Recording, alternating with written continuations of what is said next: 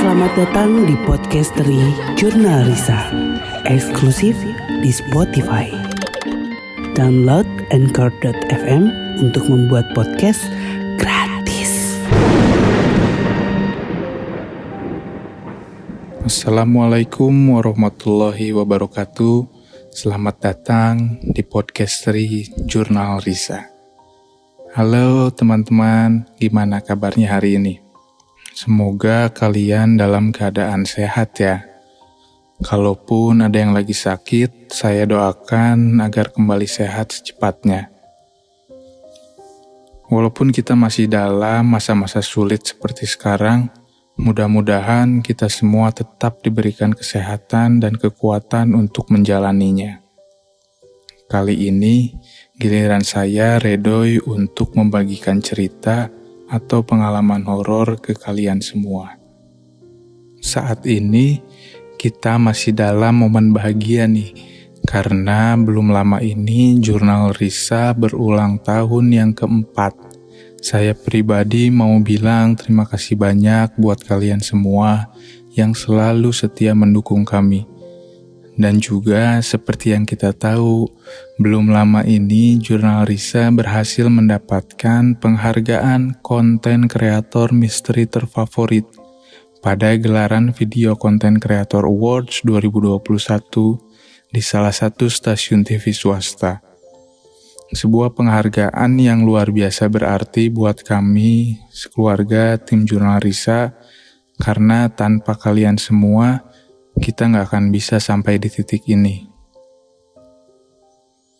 Pengalaman horor yang akan saya bagikan ini masih berkaitan dengan rangkaian ulang tahun jurnal Risa yang keempat, yaitu tayangan spesial konten Ghost Walk Tour. Kalian pada nonton kan? Kalau yang belum nonton, kalian bisa searching di channel YouTube Jurnal Risa. Di sana ada 9 konten spesial Waktu itu tayang di hari yang sama tanggal 30 Agustus 2021. Mungkin saya cerita dulu dari awal ya gimana kok bisa ada Ghost Walk Tour. Jadi beberapa minggu sebelum hari ulang tahun jurnal Risa itu, Teresa tiba-tiba ngajak kami untuk meeting dadakan secara virtual. Nah dalam obrolan itu Teresa ngutarain ide yang buat kami atau buat saya pribadi sebenarnya out of the box ya yaitu dikasih nama Ghost Walk Tour. Di mana di dalam Ghost Walk Tour itu hanya akan ada dua orang, terdiri dari satu orang talent dan satu orang BTS. Kami akan menyusuri tempat-tempat seram. Setelah itu disepakati, meeting pun selesai. Nah, namun sampai di situ belum ada pembagian tim antara siapa berpasangan dengan siapa pada waktu itu. Sampai akhirnya Ditentukanlah tim oleh Teresa dan saya kebagian berpasangan dengan Iko dan Riri untuk dua episode berbeda. Mungkin kalau ada yang tanya gimana perasaan saya waktu itu ya. Jadi perasaan saya tentu excited karena ini konten yang fresh. Tapi tiba-tiba ada rules baru yang nyebutin kalau setiap anggota tim BTS harus diolesi minyak happy-nya Bang Jeffrey. Buat kalian yang nonton episode Ghost Tour 12, kalau saya nggak salah, di tayangan itu kalian pasti tahu apa itu minyak happy ya. Buat yang nggak tahu bisa ditonton lagi episode Ghost Tour ke-12.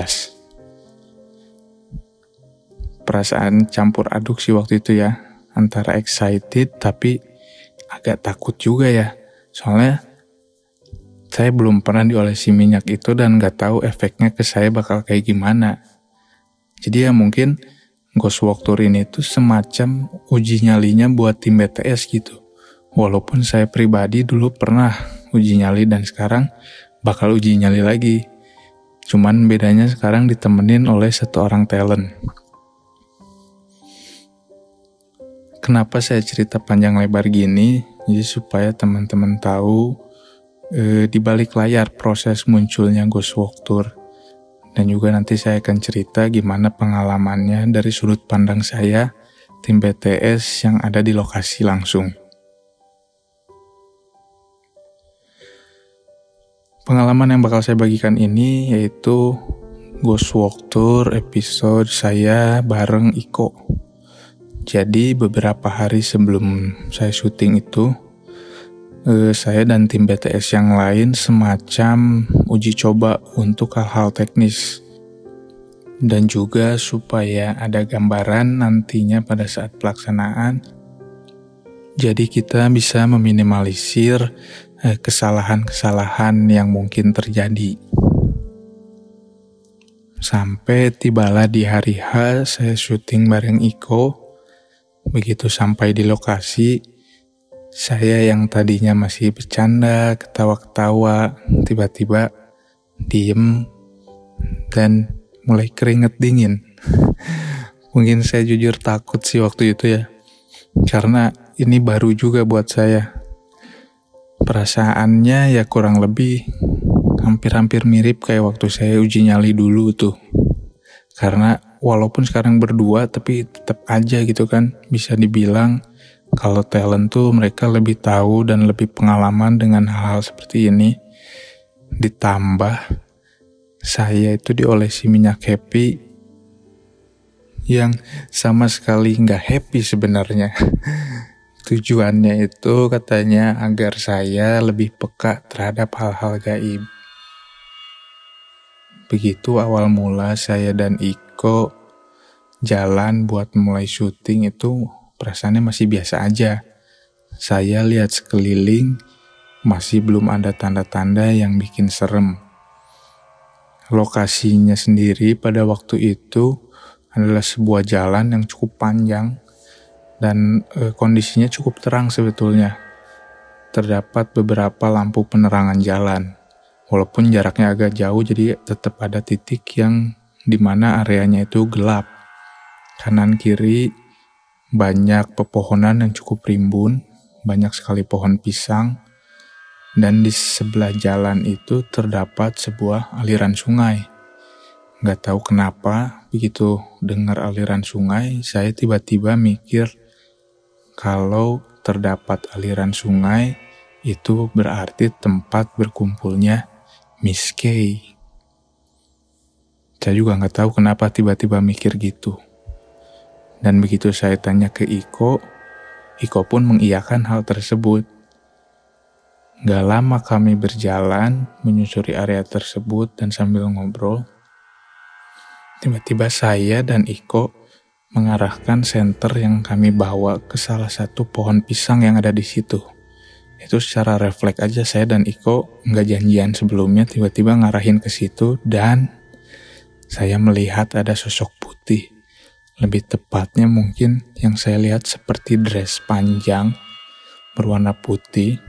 Saya nggak lihat bagian atasnya. Posisi dia berdiam diri di antara sela-sela daun pohon pisang saya kaget seketika. Refleks saya buang senter dan buang muka supaya nggak ngeliat lagi ke situ. Gak lama saya senterin lagi ke situ karena penasaran, tapi udah nggak ada sosoknya. Berarti apa yang saya lihat tadi? Karena di awal saya lihat itu ada. Begitu saya senterin ulang, dan dia nggak ada di situ. Saya lihat ke arah Iko, dan Iko lihat saya sambil ketawa. Dia bilang, ngeliat juga Mas Doi. Saya dari tadi coba mastiin ke Iko, dan Iko mengiyakan bahwa apa yang saya lihat itu benar. Itulah sosok Miss K.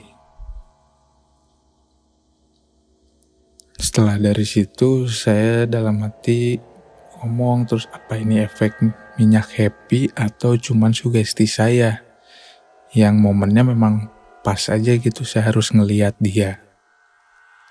Tapi yang jelas saat itu saya benar-benar lihat walaupun secara bentuk saya bisa mastiin kalau itu memang terlihat jelas bentuknya. Cuman eh, secara kejelasan apa ya fisiknya itu dia kayak masih agak terawang, samar. Mungkin karena saya ngelihatnya cepet dan buru-buru buang muka, jadi saya nggak sempet untuk merhatiin lebih detail. Jujur waktu itu saya kaget, shock juga sih sama apa yang saya lihat karena ini bukan pengalaman yang sering terjadi sama saya. Bahkan bisa dibilang untuk melihat tuh jelas baru waktu itu.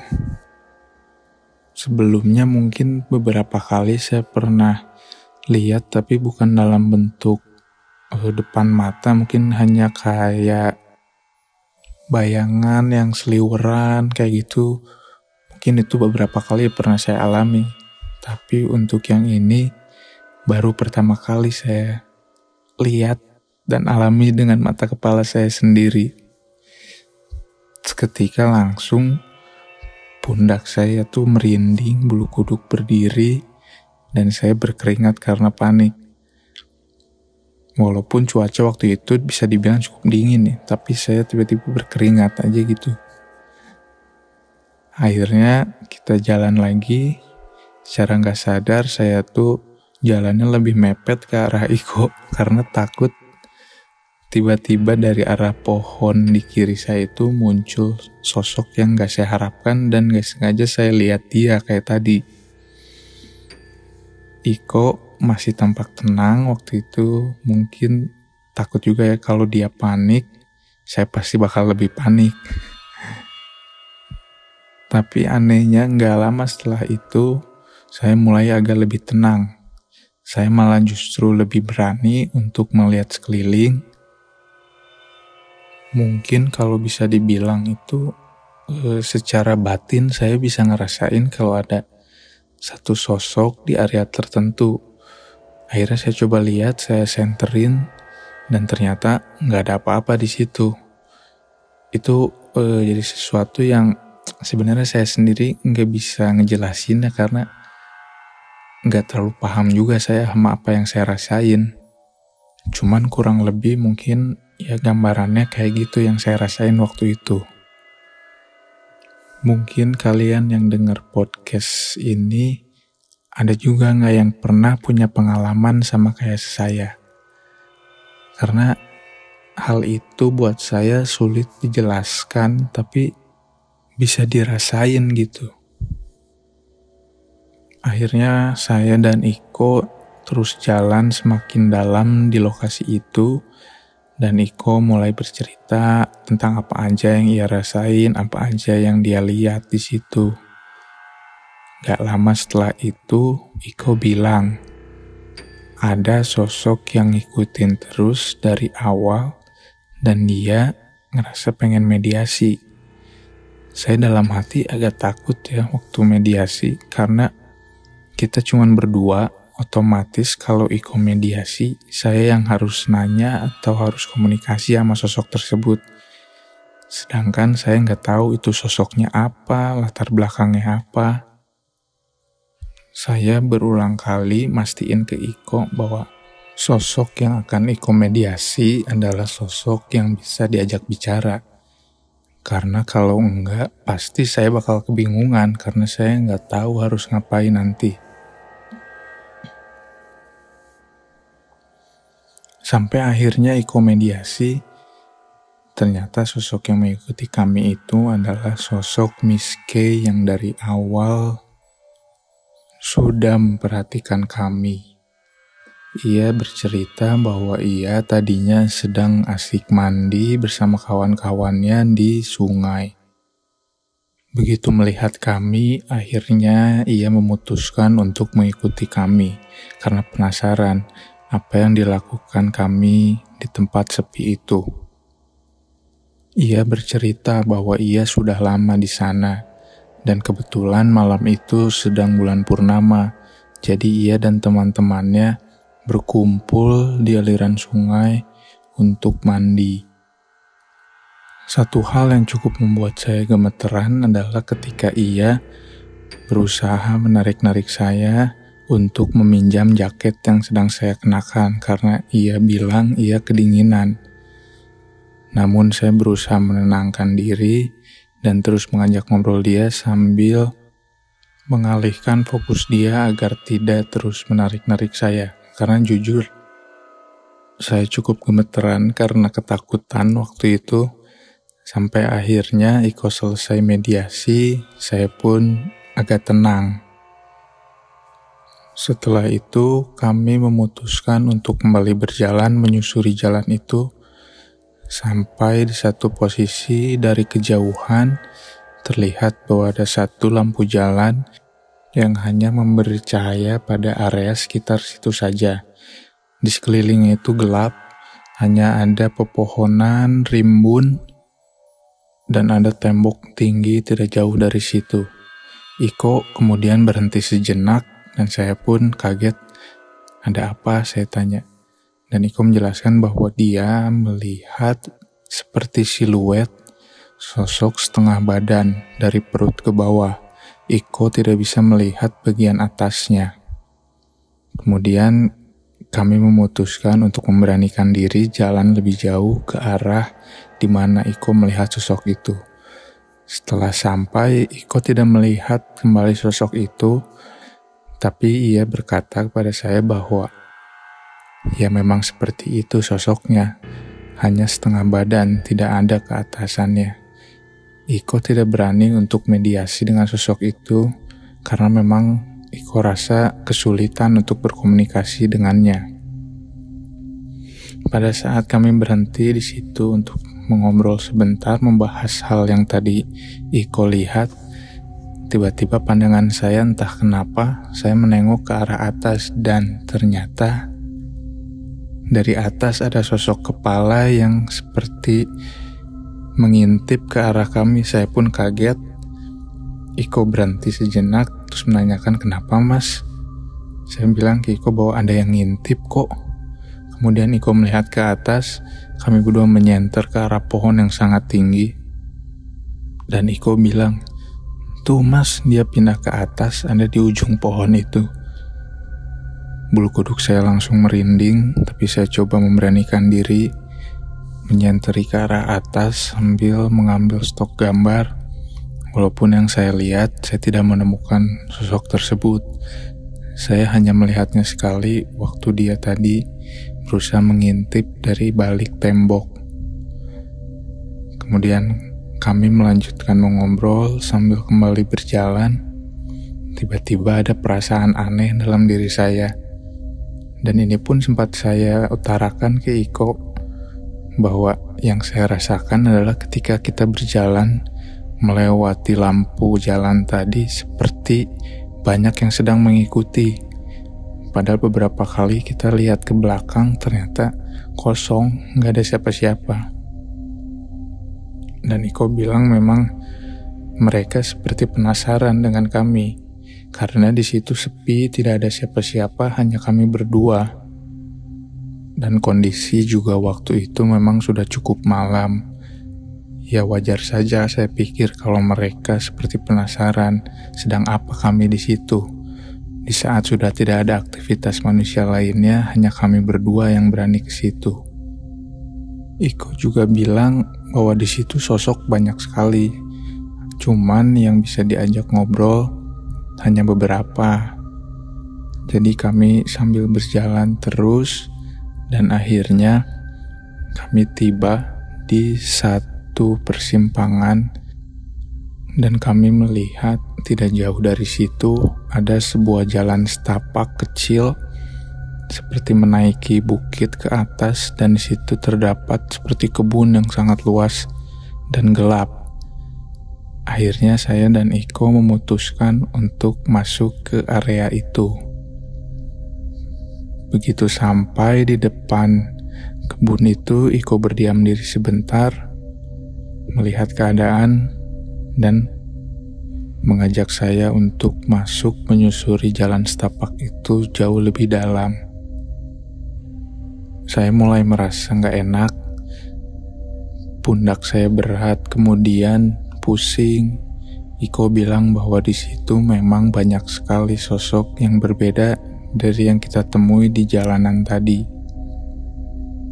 Saya mulai mendengarkan banyak suara-suara, namun Iko seperti menenangkan bahwa yang saya dengar hanyalah suara binatang malam.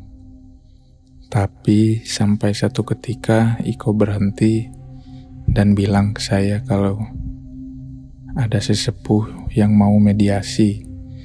Saya pun kaget karena saya bingung akan bertanya apa nantinya pada saat mediasi. Iko bilang udah nggak kuat dan ini harus mediasi. Akhirnya sosok itu pun masuk.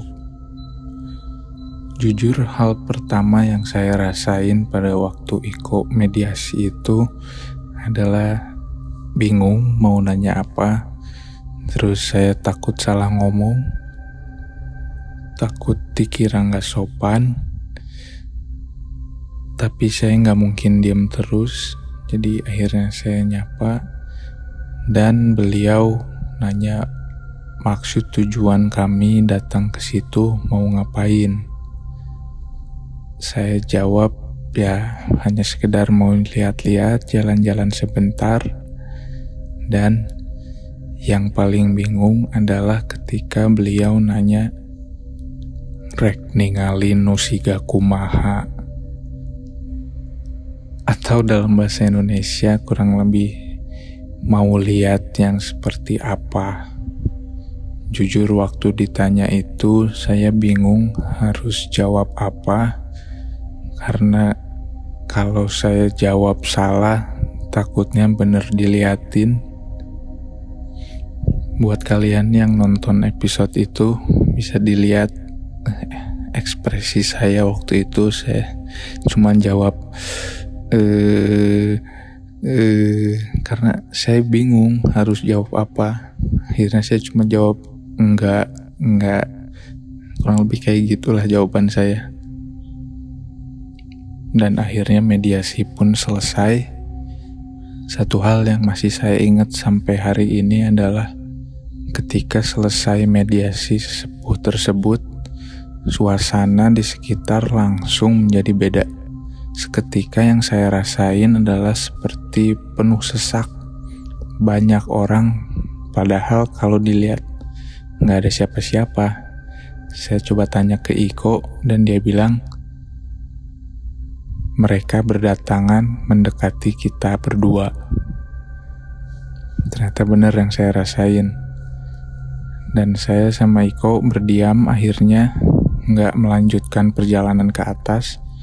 Walaupun Iko ada rasa penasaran pengen naik, cuman ragu. Karena posisi memang hanya kita berdua di situ. Takutnya kalau diterusin untuk naik terjadi apa-apa, saya nggak bisa bantu banyak. Akhirnya kita berdua diem, kita nyorotin satu persatu titik, sampai pada akhirnya kita berdua nyenterin ke satu pohon pisang jauh di atas. Mungkin kalau kalian nonton itu ada juga footage-nya. Dia pohon pisang berdiri sendiri di antara yang lain, paling tinggi jadi si daunnya itu miring. Warnanya putih semua si pohon yang gak tahu kenapa dia warnanya putih. Biasa kan hijau gitu ya pohon pisang. Tapi ini putih sendiri dan posisinya dia miring. Kita berdua senterin ke situ. Dan pelan-pelan dia berdiri tegak seperti sosok pocong kita berdua kaget loh karena saya ngelihat bener itu kita berdua kaget akhirnya lari ke arah depan. Begitu sampai di area jalan utama akhirnya kami memutuskan untuk closing Ghost Walk Tour episode itu. Sekian sekelumit pengalaman saya waktu Ghost Walk Tour kemarin konten spesial edisi ulang tahun Jurnal Risa yang keempat. Karena ada beberapa DM juga yang masuk ke Instagram saya nanya gimana pengalamannya jadi tim BTS Jurnal Risa, apa yang dirasain selama syuting. Dan di podcast Tri Jurnal Risa kali ini, saya bagi pengalaman tersebut ke kalian semua.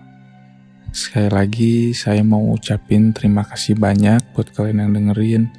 Juga terima kasih banyak buat semua doa dan dukungan kalian buat kami tim Jurnal Risa sampai hari ini.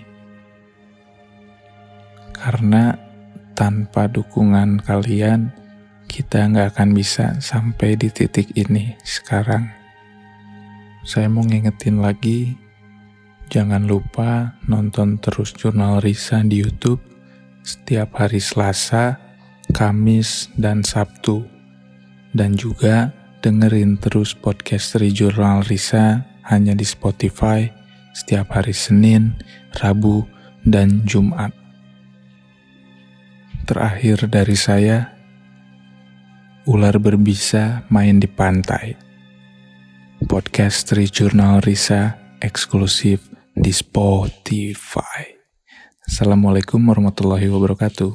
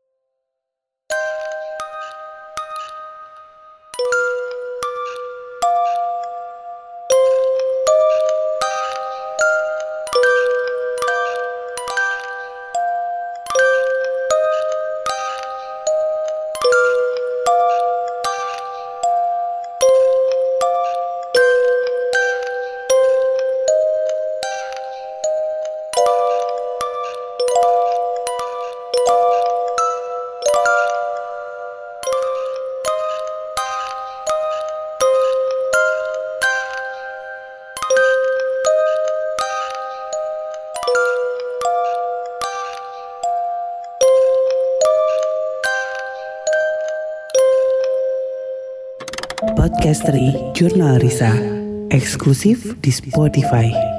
Download Anchor.fm untuk membuat podcast.